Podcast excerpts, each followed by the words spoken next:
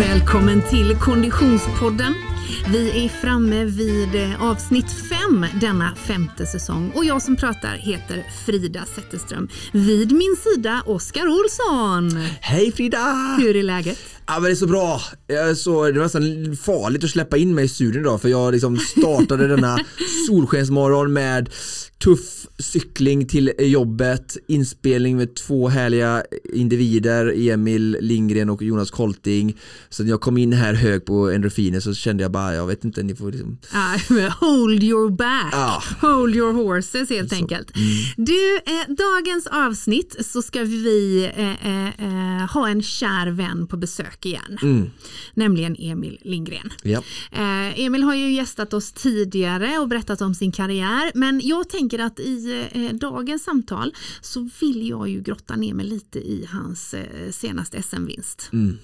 Den är man ju nyfiken på. Verkligen lite komma innanför skinnet och Mm. höra om det är inte många i Sverige eller historien som får vara med och vinna eh, svenska mästerskap så att eh, verkligen höra lite bakom där vad, vad som händer och försiggår. Just det, gång på gång är det ju också i hans fall. Ja, han är Ja. ju ett unikum alltså.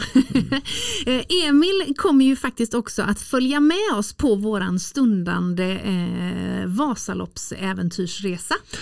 Jag är så hedrad. Och, Ja. eh, mm. Så vi känner, vi känner att vi, vi, vi kommer nog pumpa honom även på lite detaljer på hur man preppar inför en eh, Vasaloppsutmaning på cykel. Ja verkligen, alltså Cykelvasan vann han ju, han är ju liksom regerande mästare Mm. och sen har han ju typ varit på pallen alla gånger nästan han har varit med så att eh, det kan inte vara en mer lämpad kille att ha med sig där eller och nu också i detta cykelavsnitt eh, fråga ut lite om eh, vad som är viktigt med att tänka på när man ska cykla Cykelvasan. Mm, ni hör ju själva, det är ett fullmatat avsnitt vi har framför oss. Alldeles strax släpper vi in Emil i studion.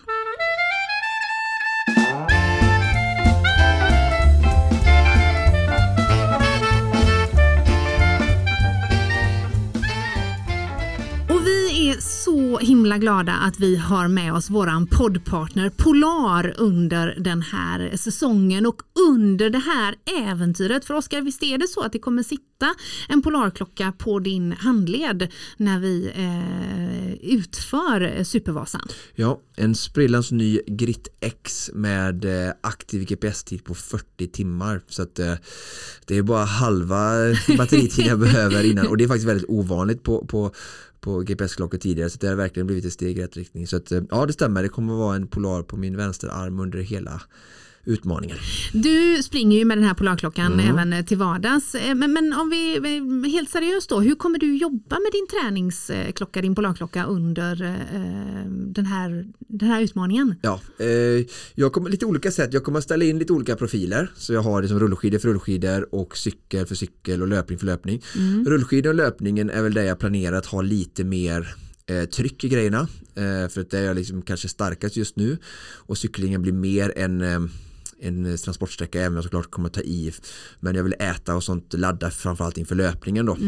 Men så då kommer jag ha ställa in autovarv. Ehm, så att jag får det är inte automatiskt programmerat men man kan ändra det i profilen på rullskidor så att jag får att den var senaste kilometern går. För jag har ju en, en måltid och en snitthastighet jag vill ha. Och då är det väldigt bra att jobba med kilometersnitt och så den plingar till så jag så här, ja men den här kilometern är ganska lätt då höll jag det här tempot. Det. för jag vill inte hålla på och kolla för mycket på klockan för att då ehm, då eh, ja, tappar, Tappar du fokus, fokus, och, och tid. Va? Eh, och sen är det klart att jag kommer ha pulsen där jag hela tiden går och sneglar på att jag inte går för hårt. Jag kommer vara väldigt liksom, eh, taggad och ivrig de första Mm. 6-7-8 timmarna säkert så att den eh, kommer funka som ett verktyg att hålla ner där. Och sen så på löpningen så är samma sak där med kilometer i klicken och så har jag lite kommer nog göra egna mellantider och inte man, alltså förutom att jag har manuellt autolap då per kilometer passering så kommer jag även liksom lappa Vad, vad, vad den. sa du där? Förutom att du har manuellt Autolap. Mm. Då är det så att du kan ställa in på löpning profilen så har den det automatiskt för den förutsätter att det vill man ju. Men på kanske andra idrotter så är det inte förprogrammerat att för att det är inte så vanligt på de idrotterna kanske liksom att man Just vill det. ha att det ska liksom plicka vad hade du på senaste kilometern eller Nej. sådär. Det har du inte på cykel heller men det går att ställa in det. Okej, bra. Men på löpningen då så kommer jag ha det automatiskt men sen kommer jag även att tror jag lappa mellan kontrollerna Mm. där ni kommer att stå i, i det här minutschemat för att då kan jag trycka och se, jag vet ju ungefär vad jag ska ha på respektive etapptid Mm. så när huvudet börjar bli lite groggy och syret är mest i musklerna snarare än i bollen Mm. eh, så eh, kommer jag läppa och säga ah, okej mellan eh, smågar och mångsbodarna vet jag vad jag vill ha för läpptid då trycker jag läpp i, i alltså på den ja, man läppar, det är olika på olika Mm. modeller men då får jag dels få en mellantid helt enkelt jag kommer Mm. till mångsbodarna så här, ja, det här tog en timme och 15 minuter, en timme och 20 eller vad det är jag ska Mm. ha då då vet jag att om jag ligger före eller efter schemat och Mm. ligger efter så blir jag lite så här, ah, knyta näven och ligger före så blir jag I got this Just att, det, just hoppas det. det. Nej Ja. men lite så Ja. kommer jag Man kan minst Det var det korta säga svaret. att din polarklocka är en riktigt bra kompis på handleden. Ja, förutom alla hejarop jag hoppas ha från husbilen så är den även en nära kamrat under vägen. Mycket bra. Jag känner att jag, jag, eh, din polarklocka blir lite min förlängda arm på din arm. Ah, bra, bra mycket bra. Mm. mycket bra där. Tack för det Polar.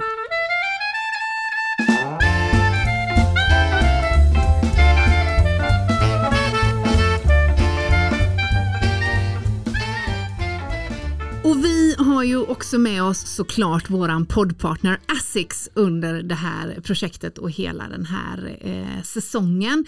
Eh, och eh, som vi berättade i, eh, tidigare i veckan så har ju Asics en eh, ska man säga tävling? Nej, Utmaning kan vi kalla det för. En För det är lite utmaning. det som jag Ja. har försökt säga i hela den här avsnittsserien också. Liksom att fortsätt utmana er, Mm. hitta kreativa vägar. Jag läste ju din fantastiska krönika och den också avhandlar just det här hur mänskligheten och speciellt idrottare som du beskrev i den har blivit kreativa att hitta nya vägar. Mm, Kan verkligen tipsa om den krönikan förresten.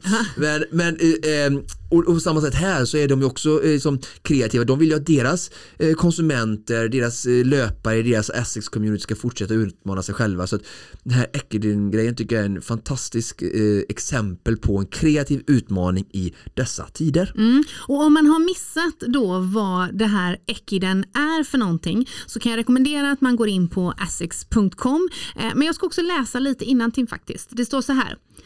At a time when the world is more separated than ever, Essex is returning to its Japanese roots and bringing runners together to run as a team and achieve a collective goal, the marathon. Alltså bara där liksom. Det vill man ju. Man vill ju ingå i ett sånt lag.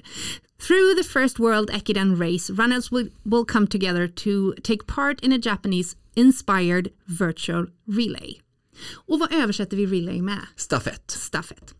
Team members across the world can embrace the true spirit of the Ekiden and carry the tau, tausa, Tasuki. Tasuki. Ah, Tazuki. Tazuki. Hörde du att jag fick lite japansk Ah, ja. eh, där också? Klang. Which symbolize eh, companionship over the virtual finish line.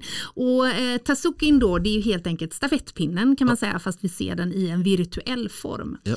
Running an Ekiden race is about more than an individual, individual physical performance. It's about being one team and improving oneself, not just physically, but also mentally. The Ekiden race and the road towards it will allow ro- runners to feel the difference and experience ASICS products to inspire their personal best. Och det här är ju helt enkelt en, eh, en virtuell eh, upplevelse. En grupp som man skapar eh, på asics.com. Sex personer ingår i varje lag och tillsammans så springer man en maratonsträcka. Och eh, vi känner ju väldigt starkt att det här är någonting som Konditionspodden trivs med.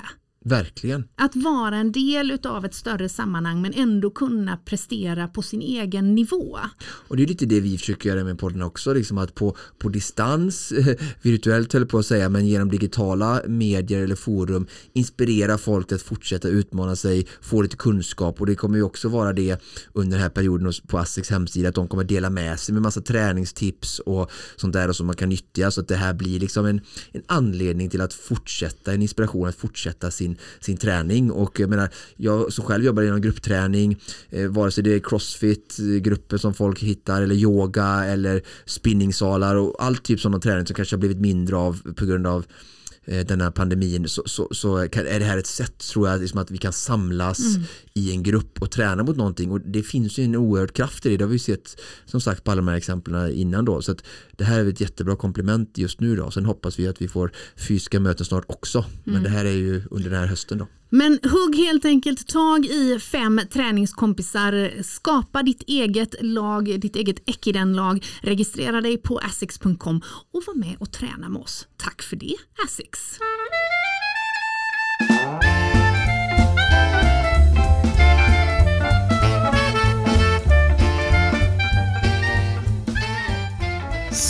En favorit i repris har han bokstavligt talat rullat in i studion, Oskar. Jajamän, jag också faktiskt. ja, du, är jag vågar en, inte annat. du är lite som en boomerang, som ja. en ständig favorit i repris in i den här studion förhoppningsvis. jag menar att jag rullade. In. Ja, ja, ja, just det. Mm. Men vi säger hej och välkommen Emil Lindgren. Tack så jättemycket. Hur är läget? Ja men det är fantastiskt faktiskt. Eh, jag har ju fått njuta av en cykeltur hit och från Alingsås eh, och kryssat, kryssat genom stan och hittade hit utan att öppna Google Maps så att jag är supernöjd.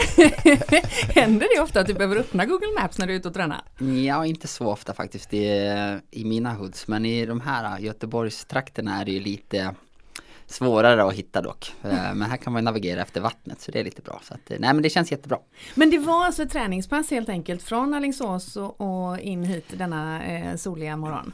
Ja, det kan vi väl kalla det. Någon slags stödträning just nu. Min säsong är egentligen klar i och med att jag körde min sista tävling nu i lördags för ett par dagar sedan. Och, nej, men jag känner mig klar för året och då brukar man kanske slappna av lite grann. Träna inte lika mycket som man brukar göra och sådär. Så att jag ser det som att det bra investerad tid att cykla hit istället för att åka bil hit. Just det, precis som jag brukar göra när jag slappnar av. Då cyklar jag också Alingsås Göteborg. Fram och tillbaks. Fram och tillbaks.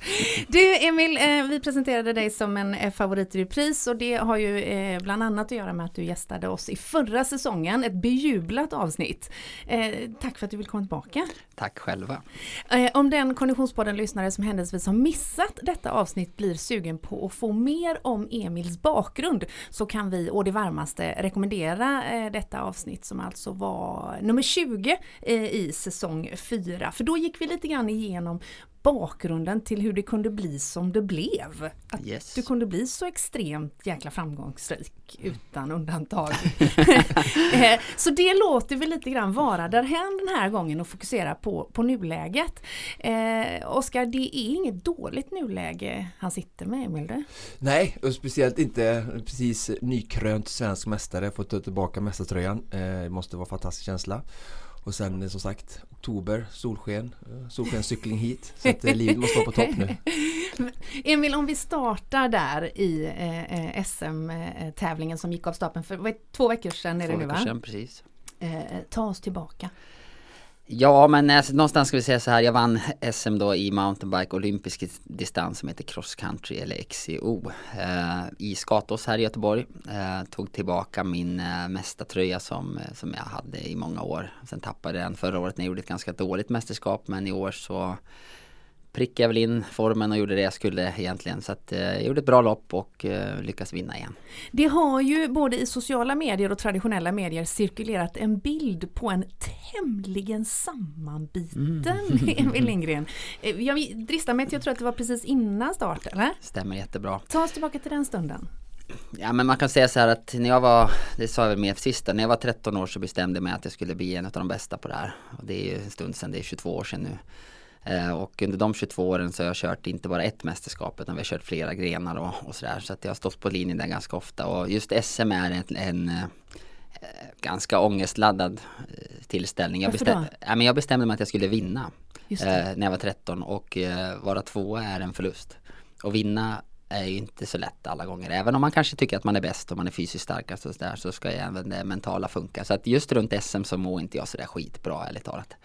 Och nu så krånglade jag till det lite ytterligare med att min äldsta grabb eh, blev förkyld ett par veckor innan och jag kände mig rätt skruttig hela veckorna innan där också. Så att eh, jag fick faktiskt bita ihop ordentligt och jag bet ihop redan från startlinjen kan man säga så. Hur jobbar du med den mentala biten då? Om du liksom som du säger har ett par veckor innan har förkylning i kroppen, eh, en familjesituation med, med ett sjukt barn som, som stökar till det. Hur, hur jobbar du med den mentala biten? Alltså det är jättesvårt, alltså extremt svårt. Jag säger så här, om jag bara kontrollerar mina egna tankar och mina funderingar och alltihop så vet jag att jag vinner. Mm. Så bra är jag. Uh, och jag vet att, att om jag inte klarar av att hålla ihop det mentala riktigt sådär och liksom fysiken kanske också om man är lite krasslig så, så är jag fortfarande så bra så att jag kan vinna. Mm. Men jag måste faktiskt tänka, tänka rätt banor och få lite hjälp på vägen också. Jag har några stycken runt om mig som är väldigt viktiga. Eh, där som kanske får mig att slappna av eh, och så vidare. Så det är no några runt om mig de veckorna där som var väldigt viktiga spelare. Mm. Det är svårt. Mm, bra, men det känns ändå som att du har kommit väldigt långt på någon form av eh, mental utvecklingsbana i den insikten tänker jag. Kan du liksom vila i den kunskapen och vetskapen? Inte just då ska jag säga. Alltså jag vet att jag har, alltså det är full panik och det är stresspåslag som det bara kan bli liksom de där veckorna innan kanske. Och det, det är det som, man blir trött till slut. Man står ju på mm. linjen där och tänker egentligen att hur ska jag ens ta mig i mål?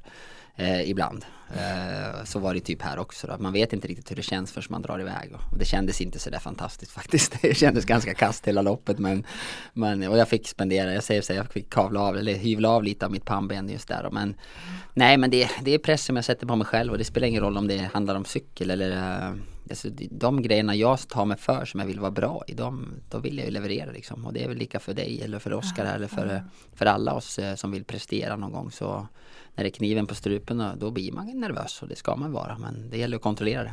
I vilken stund är det värt det?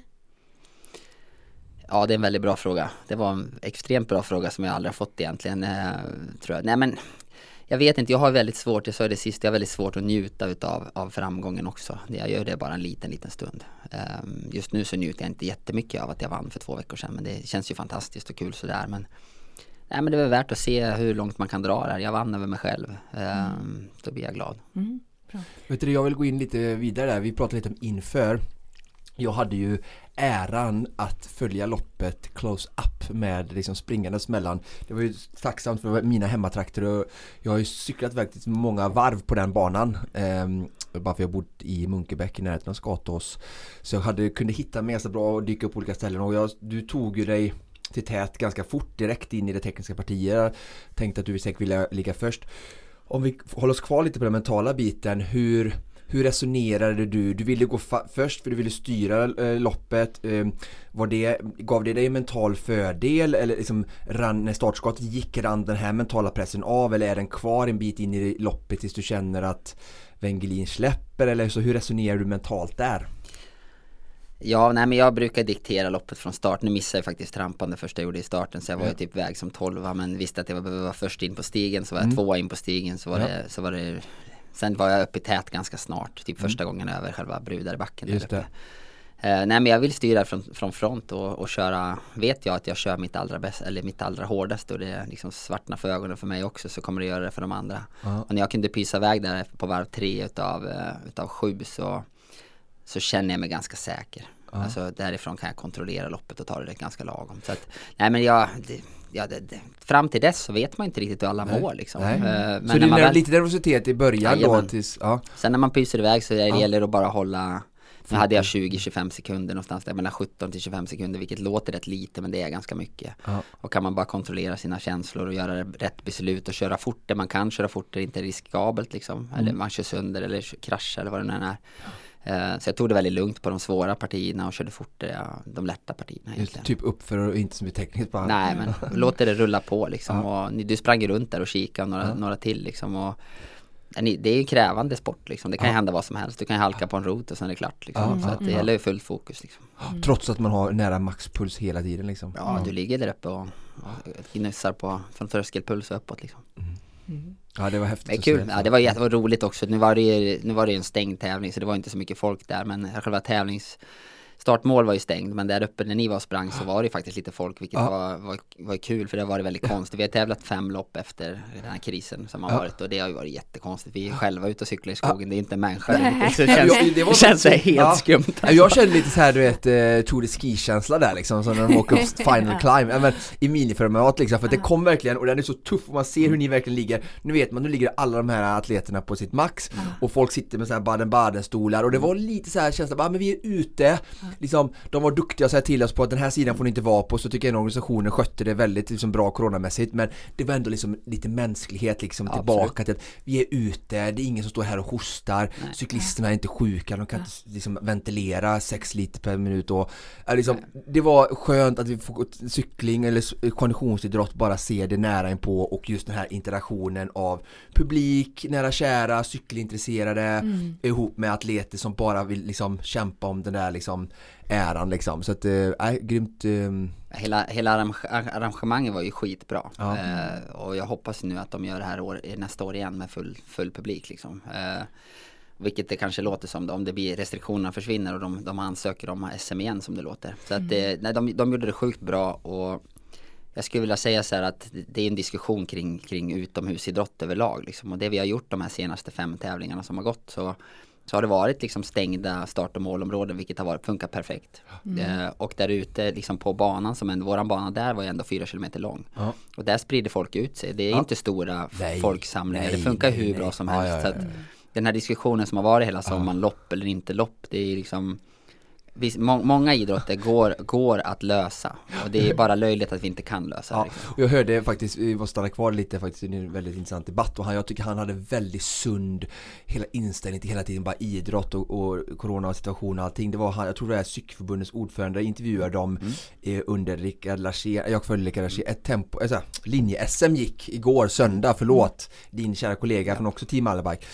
Och Rickard som också varit med i podden. Eh, och då pratar han mycket om det här liksom att, ja men just nu så reglementet ser ut så är det så här, har vi ett lopp som är liksom 16 mil så anses det som samma arena liksom, och även från motionslopp eller det blir ju jättelöjligt, ursäkta, eh, liksom så va. Så att här behöver vi byråkratin eh, hitta liksom eh, lite mer mänsklig liksom, syn men ändå kan man ju hålla det säkert liksom. Ja men verkligen. Absolut. Så att, Och nej, men, det är absolut. precis det som även eh, ett av våra tidigare avsnitt, eh, avsnitt eh, tre tror jag det var, Mm. med, med Jonas Kolting, eh, pratar mycket om.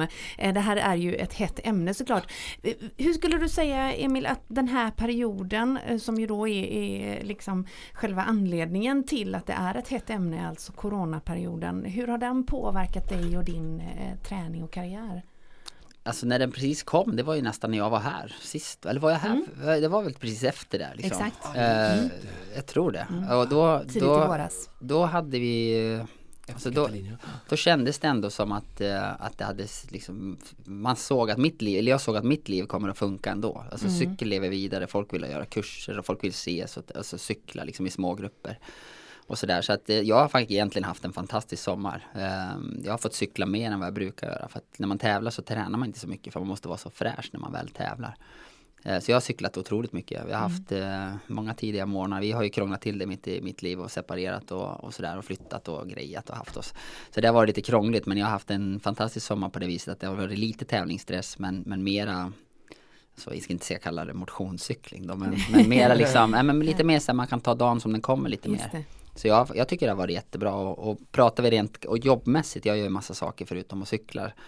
Så är ju cykelbranschen eh, ytterst levande för många cyklar just nu. Mm, Det har blivit lite dit jag trodde att det skulle bli. Eh, Jag har erfarenheter av spanska finanskrisen någonstans där runt 2009, 10, 11 någonstans. Så, så cyklade jag mycket i Spanien och där, det cyklades ju extremt mycket när det var kris där. Och jag trodde att det kunde bli lika här och vilket det har blivit då. Mm. En positiv effekt eh, eh, av rådande omständigheter. Tycker jag Absolut. att vi liksom kapslar in den känslan och tanken och tar den med oss vidare. Absolut. Eh, du, nu i helgen så var det eh, dock ytterligare en tävling för din del och läger också förstod jag det som. Ja, jag styr, eller snörar väl ihop säcken i, i helgen egentligen och körde sista tävlingen i Jönköping som jag också vann. Så att jag har kört sex starter i år, en innan corona eh, pandemin här och eh, fem stycken efter. Så att, och jag vann alla sex så att jag är eh, väldigt nöjd över det. Och så fick jag fira, fira, fira en seger med att åka ner till Skåne och hålla en kurs igår för eh, två stycken grupper av 16-17 personer som fick eh, cykla i 10 mm ösregn. Eh, Fyra timmar var. Så att, nej, men jag spenderade dagen igår i 10 timmar i cykelkläder i skogen. Och, nej, men få, jag håller på med en del sådana del såna saker också och eh, tycker det är lite roligt. Alltså, jag fick cykla med Oskar häromdagen också. Liksom. Jag får, får göra lite andra saker än att bara cykla det snabbaste jag vet. Så att det, Superkul. Ber- Berätta lite om, om tävlingen, jag som cykelnörd eller följare eh, är så nyfiken. Vad, vad var det för tävling och eh, hur gick loppet? Då? Eh, Sveriges äldsta mountainbike-tävling kan vi kalla det för. Ja. Eh, Vista Mountain utanför Jönköping. De började någon gång tidigt 90-tal tror jag. Mm. Ehm, så att det är en sån här klassiker som man brukar stänga säsongen med. Och nu har jag inte haft tid att vara där på några år men jag var där och körde och det är roligt nog ska jag säga så här att det är en tävling där juniorer och elit kör ihop. Ehm, och vi hade faktiskt en 16-årig kille som kör på dispens i juniorklassen som visar framfötterna rejält och var precis bakom mig. Så att det var också, också kul. En kille som heter Hugo Sandin som jag även delar ut ett stipendium eh, till de senaste, senaste två åren så han varit stipendiat där. Vad, hur lång var banan? Var det XCO också eller, eller hur lång var den också? 90 minuter som SM eller hur var det? Skilde det sig eller? Kort bana, eh, näst, lite under 4 kilometer och eh, vi körde en timme ungefär. Så det var lite kortare lopp. Lite kortare nästan. Alltså mer att, ja lite kortare, mer en kul grej sådär. Alltså ett riktigt lopp men en kul grej. Och vi, vi har inte kört några långa lopp för att de får inte arrangeras. Just det. Hur var det då när du hade med en sån junior? Hur tänkte du då? Liksom, det är klart, du, här är, här är som pappa av mountainbike i Sverige. Nu måste jag ju liksom, eller hur? Nej men jag känner mig, alltså jag känner mig ganska lugn även om jag tycker att jag är lite otränad just nu liksom. Jag har inte tränat sådär jättemycket efter SM. Jag har varit ganska trött. Jag får liksom en jag ska inte kalla det för en depression men jag får en dipp efteråt när jag har presterat. post. Ja jag får Mm. det verkligen alltså. Eh, Så jag har varit helt slut ärligt talat. Ja, ja. Eh, Men nej men det var jättekul och kul att se att de här unga tar för sig liksom. Det är många som har respekt för en annan och lägger sig bakom och inte törs visa sig. Men eh, han bara körde Hugo och gjorde det bra liksom. Så att, Misstänker att du gillar den egenskapen. Jo men jag tycker det påminner ju om någon kille för 20 år sedan där ungefär. Ja, ja, ja, bra, bra, Nej men jag tycker det är roligt och det är dit som jag hoppas att vi kommer dit. Det är, liksom, det är det väldigt viktigt för oss i Sverige att vi kommer med nya friska vindar liksom. Ja, är verkligen. klart. Och och har du, jag kan ju tänka mig, eh, om du är en inspiration för mig så kan jag tänka mig att han, du är en sån mega-idol för honom så det måste vara grymt inspirerande för honom att få, få vara med och känna liksom att han är på rätt väg i en väldigt tidig skede i en förhoppningsvis framgångsrik karriär för svensk cykling och han själv. Ja, absolut. Nej men det var jättekul. Superkul. Coolt. Lite som ett led i att eh, eh, eh, vara en del av de där friska vindarna och inspirera eh, till mer cykling så är ju en av de tre distanserna i våran stundande utmaning. Hörde du att jag sa våran också? Jag bara gled med där som på ett litet bananskal. I, i en av de tre distanserna är ju eh, cykling, ska ske eh, på cykling. Eh, och du och Emil har ju tränat ihop inför detta. Precis. Ehm, om vi tittar lite grann på hur ni la upp den träningen och kanske också försöker översätta det i eh, träningstips för den Konditionspodden-lyssnare som eh, känner att ja, men någon gång i framtiden så kanske Cykelvasan eller ett terränglopp är något jag vill ge mig på. Ja. Ehm, Jag kan ju inleda lite snabbt där bara eh, att för mig i det här fallet, nu är det ju så att jag är ju lite, jag ska inte säga i panik, för jag är ju inte panik. jag, eh, jag är i god form och har tränat uthållighetsidrott i hela den här säsongen för att försöka vinna ÖTÖ för femte gången i rad. Eh, så att ja, min, min form är relativt god och styrka men min cykel lokala eh, kapacitet pratade jag Emil mycket om i den eh, under det passet och det är ju så att man behöver lokal kapillärkapacitet ute i muskeln i den arbetande, ett visst arbetssätt och rörelse, effektivitet och sådär specifik idrott så där är jag inte så god just nu. Eh, så att för mig handlar det mycket om att liksom få så många minuter i benen som möjligt och eh, framförallt också att cykla in mig på den nya cykeln Eh, som eh, alla bike har hjälpt mig med. Så att det var mycket liksom, inpassning av eh, cykelinställning och sen liksom hur jag sitter på cykeln och hur jag kan använda den för att i mitt fall då åka så billigt som möjligt mellan Mora till Sälen då i omvänd riktning som det blir. Så att, och det är också en, en viktig aspekt som jag kan liksom skicka vidare pucken till Emil här alldeles strax som att många, vi, vi ska komma in lite mer på träning sen inför mountainbike-cykling och sen även heter det, cykelvasan men om vi, vi kan ju börja lite där att alltså, hantera din cykel, alltså hur sitter du? Vi, vi har han hjälpt mig med fjädring och, och sådär så att jag passar in Emil där så liksom får han ta vid. Ja men alltså som, vi, vi har ju kört lite, eh, någon sväng här och som du säger där så är det ju Cykel är väldigt lokalt, extremt lokalt. Lårmuskel liksom. Det är den frågan jag får nästan varje dag. Hur eh, jag får kramp i benet efter 90 minuter cykling. Ja, det är lite så. alltså, ja, men det är lite så. Och de flesta har, kan inte riktigt det här att man måste stå upp ibland. Man måste, jag brukar säga så här, på din cykel just nu så har ju du 12 växlar. Ja. Men det finns ju 12 sitta och 12 stå. Just det, Eh, ah, det där är ju många som missar 24. att man sitter och, det, man sitter och vevar liksom. Får väldigt mycket kraft när man står på rätt sätt liksom. Mm. Mm. Varje växel har alltså två läger. Kan man säga, absolut. Mm. Eh, Och många liksom kastar sig på växellådan direkt när man kommer in i backar och sådär. Att istället för att liksom driva på in och få flytet lite mer. Eh, Så lite sådana saker har vi gått igenom och även som du säger cykelinställning och Alltså många tar en cykel direkt från affären och så pumpar man däcken och så kör man och det är liksom inte verkligheten riktigt att man kanske måste höja eller sänka styret och höja och sänka sadeln eller man kanske ska justera liksom avståndet mellan styret till, till sadel och, och sådana här saker liksom och, och dämpar inställningar att det liksom cykeln ska sjunka ihop den ska inte vara högst upp i högsta läget liksom det ska vara bekvämt också att köra där. För du har ju valt en cykel som precis sam, samma, precis likadan cykel som jag vann SM på. Eh, och som Micke Olsson i, i våra team som han vann Cykelvasan på för två år sedan. Kan inte skylla på Alltså, Nej, det är förpliktigar min vän. Bra grejer. Jag ska inte ha någonting att skylla på, jag ska i mål. Bra grejer. Nej så det, men lite sådana saker och kanske lite där fartstrategier. Nu är Oskar väldigt bra på, han väger några kilo mer än vad jag gör så han blir väldigt bra på platten liksom. Ja, och nerför. Så att han kanske måste hålla igen lite grann uppför för att kunna utnyttja den kraften utför. Jag är lite tvärsom så jag behöver kanske åka fort uppför och så vidare. Men just nu för, för min del, alltså, som du säger också, för våran del ska jag säga att en cykel transfern Mora-Sälen blir, ju- jag ska inte säga att den blir lätt för dig men den blir ju kanske en av de lättare grenarna. För att vi kan rulla ganska mycket här. Just det. Men, men om vi backar lite till det du just sa där då, alltså att eh, baserat på ens egna fysiska kapacitet och förutsättningar så håller man igen eller drar på. Den analysen är ju också nyttig att göra mot sig själv då kan jag tänka. Om man som Absolut. Konditionspodden-lyssnare har cyklat en del, man kanske har en cykel man är bekväm med, man, man siktar på ett lopp framöver. Att faktiskt göra den reflektionen då. Absolut. Och, och, och ta det igen där då, hur ska man tänka kring det? Ja, men alla är väl lite olika. Så jag är ganska liten, jag väger väl 63 kilo kanske nu. Oskar är väl 75 här eller någonting. 76. Ja, någonstans där och, och beroende på hur, vilka styrkor man har. Alltså även om man är liten så, så om man är liten så är man ju ofta bra uppför. Mm, just det, Eh, för kan- att man är lätt helt För man är lätt. Ja. Ja. Mm, Eh, Man har ett lätt paket och liksom hela, hela paketet med cykel och dig själv och hjälm och allt vad det är. Det blir ganska lätt liksom. Mm. Då brukar man ofta vara ganska bra uppför. Och är man lite tyngre så kanske det skjuter på lite mer utför istället. Typ Evertsberg, Mm. Just det. Mora liksom när det går utför.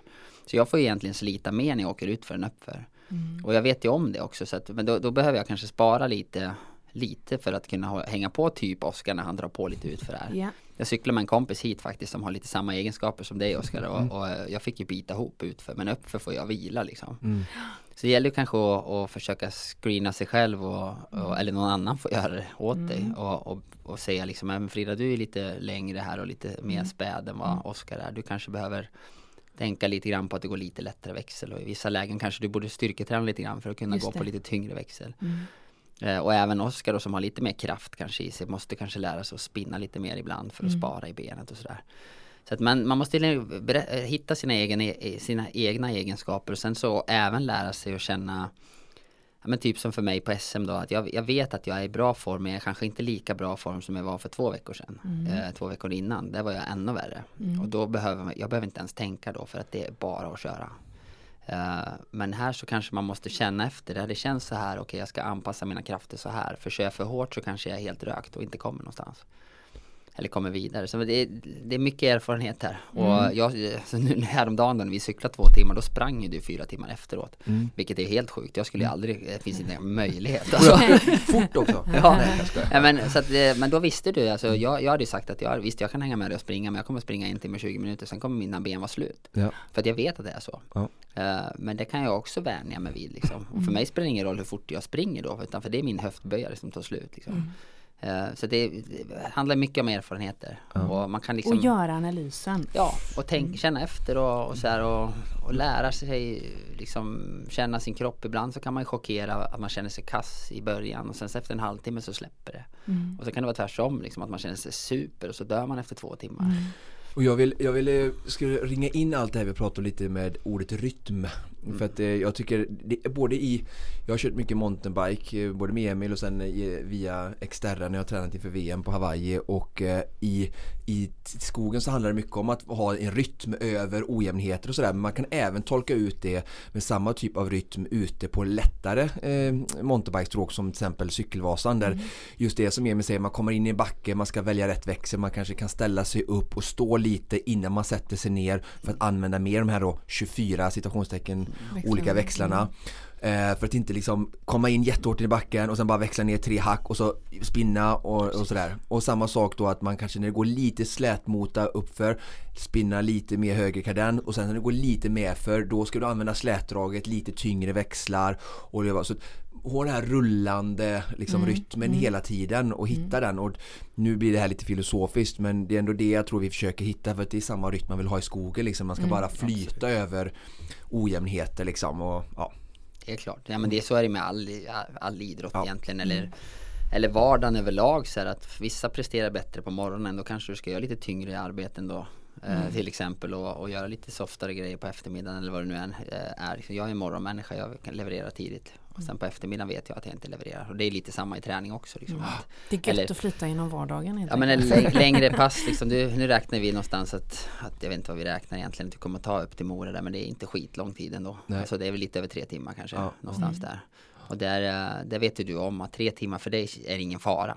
Alltså det är lugnt. Ja, ja. Men, eh, men tre timmar i vilken, alltså man får anpassa sin speed liksom. Mm. Ja. Inför de här då eh, lite dryga tre timmarna mellan eh, eh, Mora och Sälen så har ju ni då tränat eh, eh dels tillsammans och, och, du naturligtvis mest på egen hand. men ni har också fokuserat på vilken utrustning du ska ha med dig. Vi har nämnt att du ska genomföra detta på, på samma eller liknande cykel som Emil tog hem SM-titeln i. Mm vi eh, uppehåller oss lite till där då. Mm. Vad, är, vad, är det, vad är det för cykel? Ja Emil, hjälp oss. Jag, jag har några saker, begrepp som jag vill hjälpa lyssnarna här att reda ut. Och, mm. eh, det ena är ju då eh, 27,5 tum, 29 tum cykel. Så 29 tum kom efter 26 tum så det kan vi gärna reda ut lite. Och sen har vi hardtail och sen har vi heldämpat. Och så lite prisklasser och, och, val av cykel. Så hjälp oss gärna att ta igenom detta Emil. Och vad jag har för någonting jag ska cykla på. ja, vi, kan, vi kan väl börja på din cykel då egentligen. Mm. Eller den cykel, jag kommer köra på en likadan cykel som dig. Ja. Uh, och vi kör heldämpad cykel och det är 29 tums hjul då man ja. pratar om. Alltså mm. det är inte, förut, förut när vi pratade tum då snackade vi om ramstorlek ofta liksom. Mm. Uh, det gör vi inte längre utan uh, du kommer ha en, du är medium kallar vi dig för. Ja. Alltså, Så ramstorleken varierar inte lika mycket? Helt jo det gör, det gör den men man, man, man pratade med mer ramstorlek skillnad förut och nu pratar man lite hjulstorlek okay. skillnad. Uh, du har 29 tums hjul uh, vilket är ett standard idag nästan. Uh, det finns 27,5 tum också då som är ett lite mindre hjul. Beroende det, var, det var lite så här beroende på hur lång du är så väljer du hjul då. Mm. nu är 27,5 mycket för ungdom bara kan man säga. Okay. Och 29 tum är för vuxen i princip. Mm. Och du har en heldämpad cykel vilket betyder att du har fjädring både bak och fram. Och på våra cyklar vi kör så har vi 100 mm fjädring, alltså en decimeter bak och en decimeter fram. Mm. Och sen finns det det som du säger hardtail cykel då, det som jag vann Vasan på för två år sedan. Eller för ett och ett halvt år sedan vad det blir. Uh, det var en cykel som bara har en dämpare i fram. Mm. Uh, och en stel bak, eller en stel ram kan man säga. Mm. Och det är väl egentligen, uh, jag använder den bara för att den är väldigt snabb sista 300 meterna på asfalten. Eh, den väger lite mindre och lite mindre leder som kan flexa och tappa kraft då, liksom. Mm. Men det är marginellt. Mm. Men resten av sträckan Sälen-Mora är ju, eller Mora-Sälen som vi gör är ju faktiskt lite guppig och sådär och då sparar man kraft och har lite fjädring på cykeln. Mm, okay. Men fjädring drar också med sig lite mer ekonomi, det kostar lite mer om man ska ha en bra sån cykel. Då. Mm. Vad, vad, ska vi, och hur ska vi landa i för liksom, bra rekommendationer här? Om vi tänker att det är någon som kanske har en mountainbike för 4-5 tusen och känner så här, ah, men nu vill jag cykla cykelvasan, jag ska satsa lite här nu och jag är beredd att investera lite. Hur, hur ska hon eller han tänka lite? Alltså jag, jag brukar säga så här, ungefär från 12 000 kronor blir cyklarna riktigt bra. Mm. Okay. Innan det så är det lite kompromisser lite överallt. Ja. Eh, framförallt på hjul och så här roterande vikt då.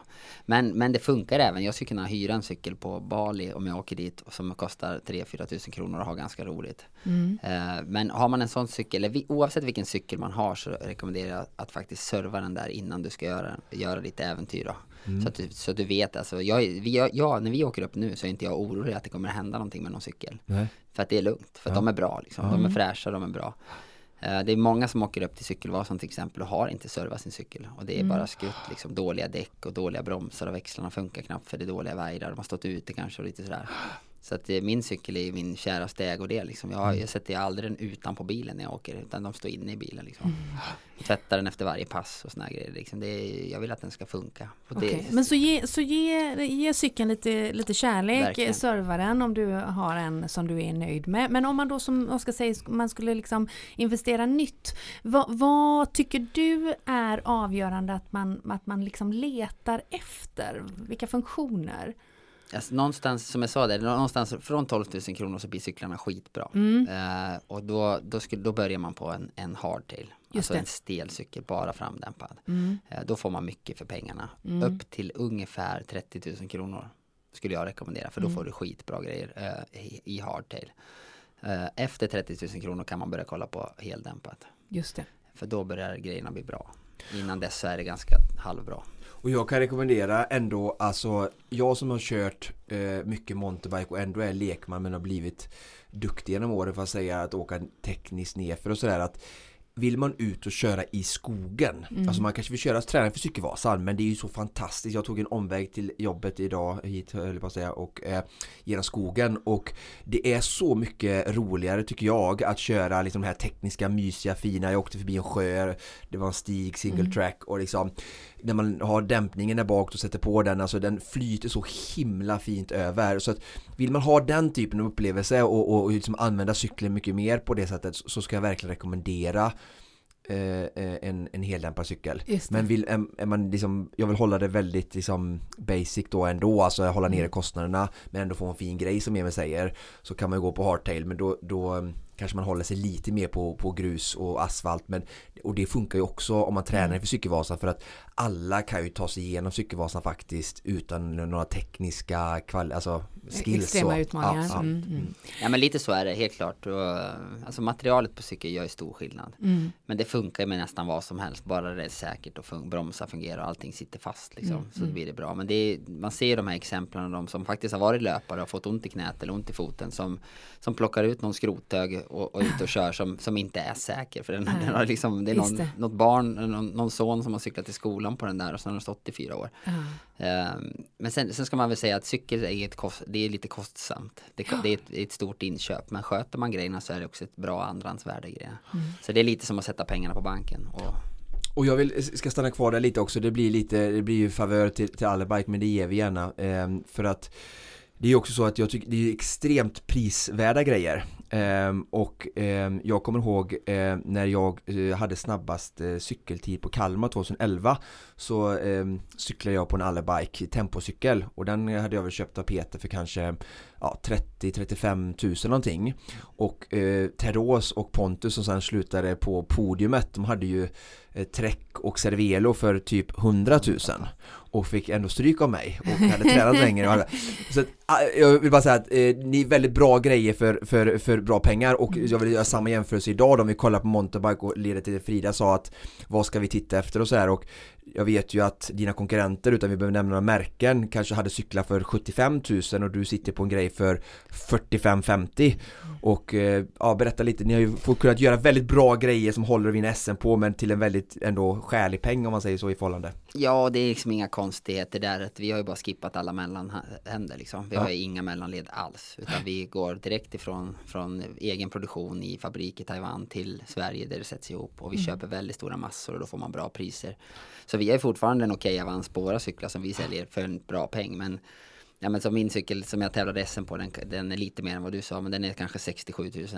Eh, Jag hade konkurrenter där ute som har för nästan dubbla pengen. Ja, okej, Eh, bra, så att- tack för hjälpen. Nej men som är nästan uppe 130-140 000. Ja, ja, några, ja. Det finns några märken som är så helt löjligt mycket pengar. Och det betalar man mycket för marknadsföring och så vidare. Så Ja. att, eh, och det är ungefär samma prylar vi sitter på bara att det är lite olika stickers på liksom. Eh, Så att nej men det, det är mycket där det hänger på. Vi har resonerat så här att vi, eh, vi vill ju hålla en bra prisbild där där flera kan köpa en bra grej liksom. Mm. Och det är kul att vi har liksom lyckats, det är inte bara att ni har tagit bort mellanhänder utan det är också så att ni har bra grejer. Absolut. Så att det är också en kombination av många års av eh, utveckling. Vi pratade om sist eh, när jag var inne första gången när jag var 8-9 år med min styrpappa Åke och köpte hans första cykel och sen senare fick jag min första cykel något år senare och det var ju som på tidigt 90-tal. Mm. Och så det är många år av ett som svenskt anrikt och sen som utveckling och sen att de har haft dig och alla bakom så att ja det är jättekul att se. Jättekul. Och blir man nyfiken på att se mer av eh, den här utrustningen som vi pratar om så ska man klicka in på våra sociala medier, både på dina Emil, ja. för du är duktig på att visa och berätta, eh, framförallt på Instagram, men också på Konditionspoddens sociala medier, eh, både Instagram och Facebook. Där finns det bilder och filmer där vi får de här cyklarna i detalj. Perfekt.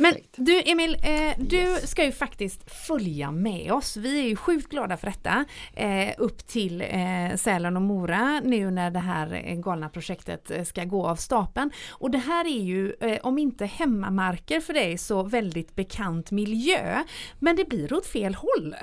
Ja. Påverkar det liksom upplägget i, i loppet? Nej det gör det absolut inte. Jag är ju från Säter i Dalarna och jag har ju cyklat Cykelvasa massa gånger och det, Mora är ju cykelavstånd ifrån Säter kan man säga. Då. Det är 10 mil uppåt eller 12 mil uppåt. Så att, eh, nej men det ska bli jättekul att komma upp dit. Jag är faktiskt, sen vi var här sist så är jag faktiskt eh, certifierad Vasaloppscoach också. Oh! Så att, nej men jag kände lite så här när Oskar hörde av sig och sa att jag ska göra den här grejen så tyckte jag att eh, kolla lite datum så får vi se om det passar. Eh, och det passar ju väldigt bra. Jag tycker det här eh, ska bli jättekul. Och cykla baklänges är inget konstigt alls. Det är nästan trevligare vissa delar ska jag säga. Jag har gjort det några gånger förut och kört hela vägen upp. Så att, nej det ska bli jättekul att komma med upp och och hänga där uppe lite grann. Det var ett liten stund, en liten stund sedan jag var i, i Dalarna just nu så att det ska bli jättekul. Härligt! Mm. Mycket, mycket bra.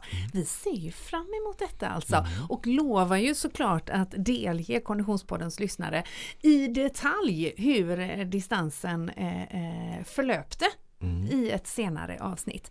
Men du Oskar, jag vet att vi har en eh, lyssnarfråga till eh, Emil eh, med anledning av att han återigen gästar oss i podden. Medan jag plockar fram den så skulle jag vilja ha bara eh, tre stycken av Emils eh, intervallpass som man skulle kunna göra inför cykelvasan som passar den som kanske jag skulle kunna ta ut ett av dem och använda och sen även eh, någonting som våra tittare som laddar inför framtida cykelvasan kan använda. Just det. Absolut, ja men jag skulle säga så här, alltså cykelvasan är mycket grusväg. Mm. Eh, så att ett, ett nyckelpass där och mycket grusväg och väldigt mycket folk som kör. Mm. Eh, nyckelpass skulle nog vara att försöka faktiskt träna i grupp, till och med landsvägscykling. Alltså, eller mountainbike på landsväg i grupp. Lära sig det här som många kallas för belgisk kedja när man åker och växlar liksom en är i front. Lite som fåglarna gör när de, när de mm. flyger, att de, de, de växlar, växeldrar liksom. Lära sig det och vara bekväm. Eh, både liksom lugnt till att börja med och sen kanske köra liksom regelrätta intervaller på, på lite större väg då liksom där man ja, men blandar in landsvägscykling i, i, i mountainbike. Mountainbike, lands, mountainbikecykel med landsvägstänk. Ska vi Bra, säga. mountainbikecykling med landsvägstänk. Precis, ja. och i olika pulszoner också. Det kan ju mm. bli väldigt, alltså blir det jobbigt så blir det svårt att hålla de här kedjorna och sådär. Uh, så det är nog viktigt att, att blanda in sånt och det kan vara allt från kortare grejer på någon minut till någon, kanske en halvtimme eller mm. så. Mm. Det skulle jag nog lägga tid på. Sen skulle jag faktiskt nog lägga tid på det man kanske minst tror att man ska lägga tid på och det är faktiskt korta grejer. Alltså spurter om kanske 5 till 7 sekunder, kanske upp till 30 sekunder. Okay. Eh, för många tror att långlopp då som jag kallar det här uh, tror att det går ut på väldigt mycket tröskelpuls där man ligger och nöter liksom. Och det stämmer, men, men för att liksom hänga med i fartökningar och, och liksom i den här kedjan då som det, det, det Cykelvasan åker du i princip aldrig själv. Mm. Det är så mycket folk. Så man hjälps åt där lite grann. Och hänga med då när det blir en fartökning och sådär. Så då krävs det de där små korta spurterna för att liksom och, och kunna ligga på hjulet som man kallar det när man mm. ligger bakom. Mm. Så det skulle jag också lagt mycket tid på, mm. korta mm. spurter. Och det, de här korta grejerna de kostar rätt så mycket kraft så att ett träningspass där kan ju vara liksom en timme cykling med det är fem gånger sju sekunders spurt. Det räcker liksom. Mm. Fem gånger sju sekunders spurter typ alltså för att Var femte in. minut kan man säga. Liksom, mm. För då har man, har man äh, lagrat in det där äh, kraften som man kan göra en till liksom. Du ska inte göra det för, du kanske inte ska göra varje minut för då kommer du inte orka göra det på riktigt. Nej. Utan det är verkligen max då. Um, lägga tid på det. Eh, sen så Ja men det är väl de två som är viktigast och sen så Mm. intervaller överlag så är det missförtro- eller missförstå mig inte nu men jag har nästintill aldrig kört en regelrätt intervall på tid så här att man ska köra en 8 minuters intervall eller en 10 minuter eller 20 minuter det har inte jag gjort de senaste fem åren utan jag bestämmer mer sträcka att jag kör ett varv på tid allt vad jag kan liksom. Mm. Eh, en fem kilometer eller typ Skatosvarvet nu, det tog 11 minuter eller vad det var. Så jag kör mycket mera, mera sträck, alltså distansbaserade, så får det ta den tid det tar. Mm. Eh, om jag är bra en dag så tar det 11 minuter och tar, är jag dålig så tar det 12. Liksom. Mm. Eh, så att, jag vet inte, det är väl de två egentligen. Jag är Mm. dålig på intervaller, Oskar, du är nog bättre på det. Det är bra, jag Det- tycker det en det var väldigt bra. Ja, väldigt bra, Ja. tycker Ja, jag är lite för, det var eh, mer svar än jag, hade anat här, men jag ska välja ut några ehm, favoriter här då. Frågor blanda. pratar du om nu till Emil såklart. Ja, vad sa Just jag? Det. Nej, nej, fler, fler svar. Ah, Men, förlåt, ah, ah, ah. Ja, det varför det står svara här. Så säger, så säger jag frågan då. Så, så säger de du ser lite Jeopardy här nu. Mm. Eh, Okej, eh, vi tar eh, först eh, Elof. Eh, fråga Emil hur stor inverkan polisongerna faktiskt gjorde på SM i Göteborg. Jajamän. Jag, jag är inte riktigt med lika mode som dig då, eh, Frida. Så att jag, nej men jag, eh, jag känner Elof väldigt väl. Här. Han kommer från, han heter inte Elof men han heter Erik. Eh, vi brukar skämta, skämta om det här. Nej men jag fick någon så här, i somras, vi kollade på, heter de Ronny och Ragge eller Ragge och Ja. Ronny eller vad Ja. heter de? Så sa lilla killen, så sa han att, skrattade han bara, så sa jag, ska jag spara sådana där? Så jag körde det polisonger här i somras. Och så tog jag bort dem och sen körde jag faktiskt eh, på SM också. Nu har jag tagit bort dem igen. Så att, nej men de, det, det gav lite kraft, Ja, ja. absolut. Bra, lite fart Bra. in. Eh, sen har vi en fråga från Johannes, pulskurvan. Emil, hur ser planen ut för att samla poäng för att få hyfsat startled till WC nästa år? Det är ju, jag valde den för att jag tycker själv det är skitintressant för att vi har inte riktigt hunnit prata om det i det här avsnittet men ni ska ju satsa på UCI med Team Allebike Serneke vilket är en ohyggligt häftig, Du trolig tänkte svära där. Ja. Nej då. Jo men vi ska göra så här. Svensk mountainbike. Vi har, eh, vi kan väl toucha den så snabbt vi kan Mm. här då, men eh, vi har ju bestämt, eller vi bestämde när vi gjorde det här teamet för fem år sedan att inom en femårsperiod så ska vi, ska vi ta det här te- teamet utomlands. Mm.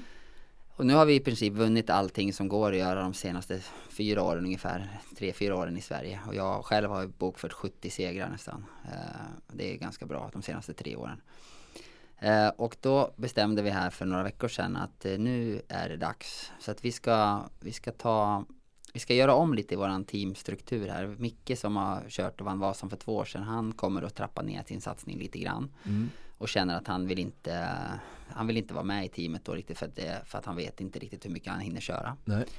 Eh, och jag känner att jag känner mig otroligt bra. Så när jag var här sist eh, och fått tränat lite lugn och ro i somras och så här och tagit lite andra livsbeslut så har jag känt mig sjukt bra. Alltså Mm. extremt bra.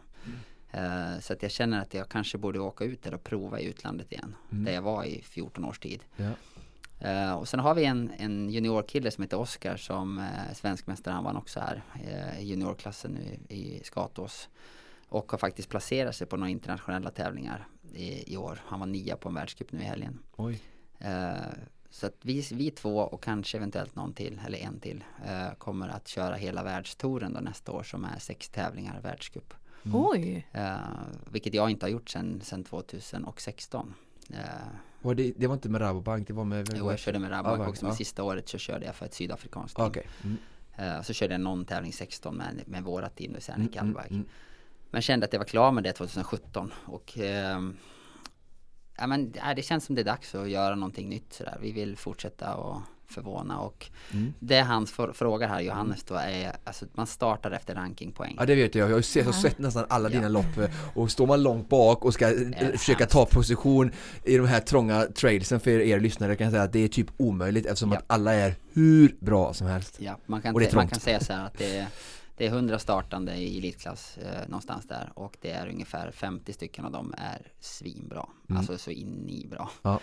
Så att eh, det kommer att bli, eh, just nu så, jag var rankad nia som bäst i världen innan jag bröt armbågen. Ja. Eh, och sen så körde jag inte så jättemycket efter det. Och nu så är jag rankad kanske 160. Ja. Så jag kommer, första tävlingarna kommer jag få stå ganska långt bak. Eller jag får stå på en omöjlig plats kan man säga.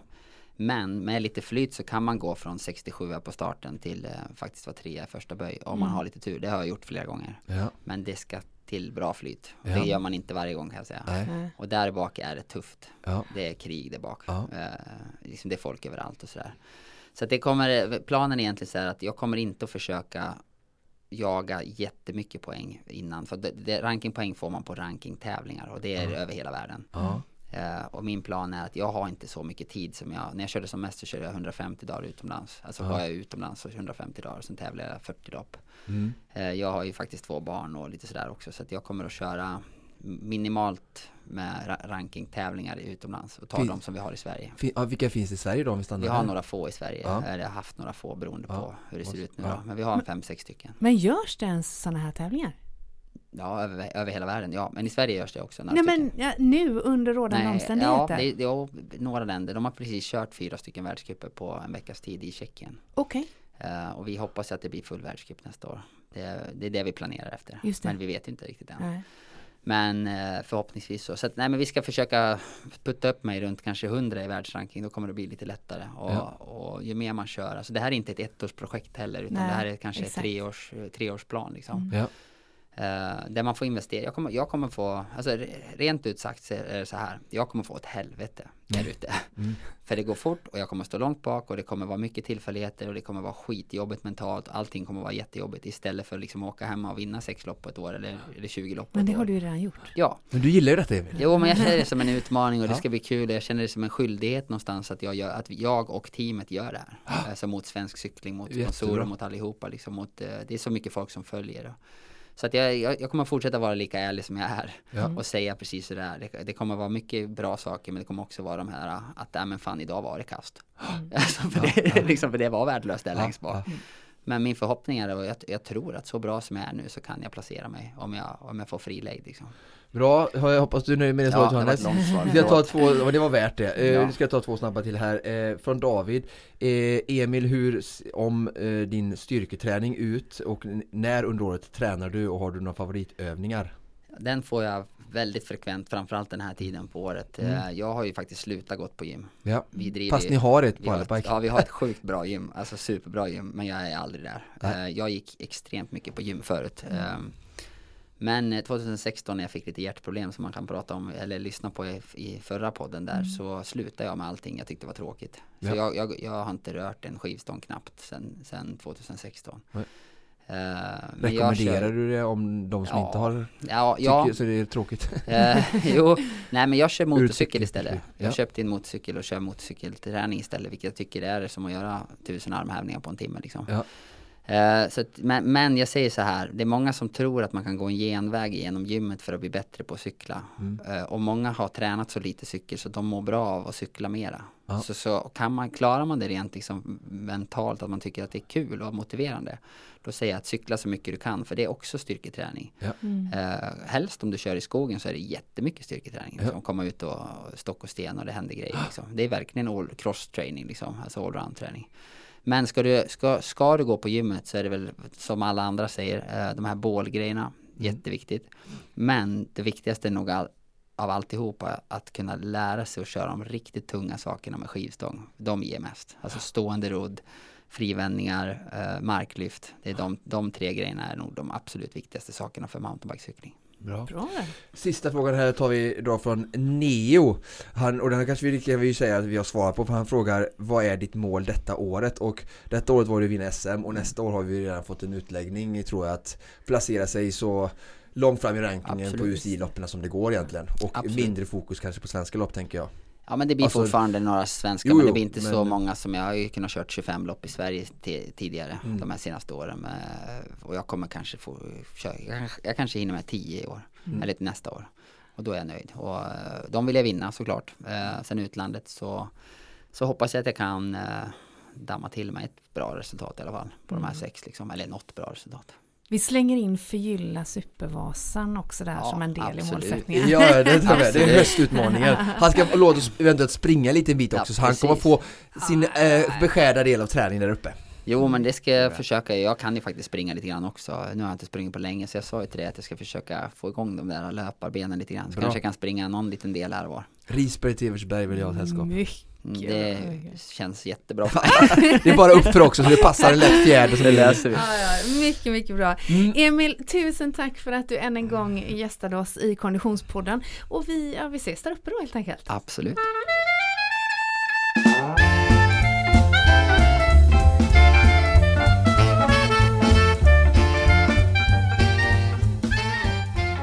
Det var allt vi hade att bjuda på för det här avsnittet. Tack så hemskt mycket för att du har lyssnat. Nästa vecka är vi tillbaka igen. Precis som vanligt produceras Konditionspodden av Fredag. Connect Brands with People.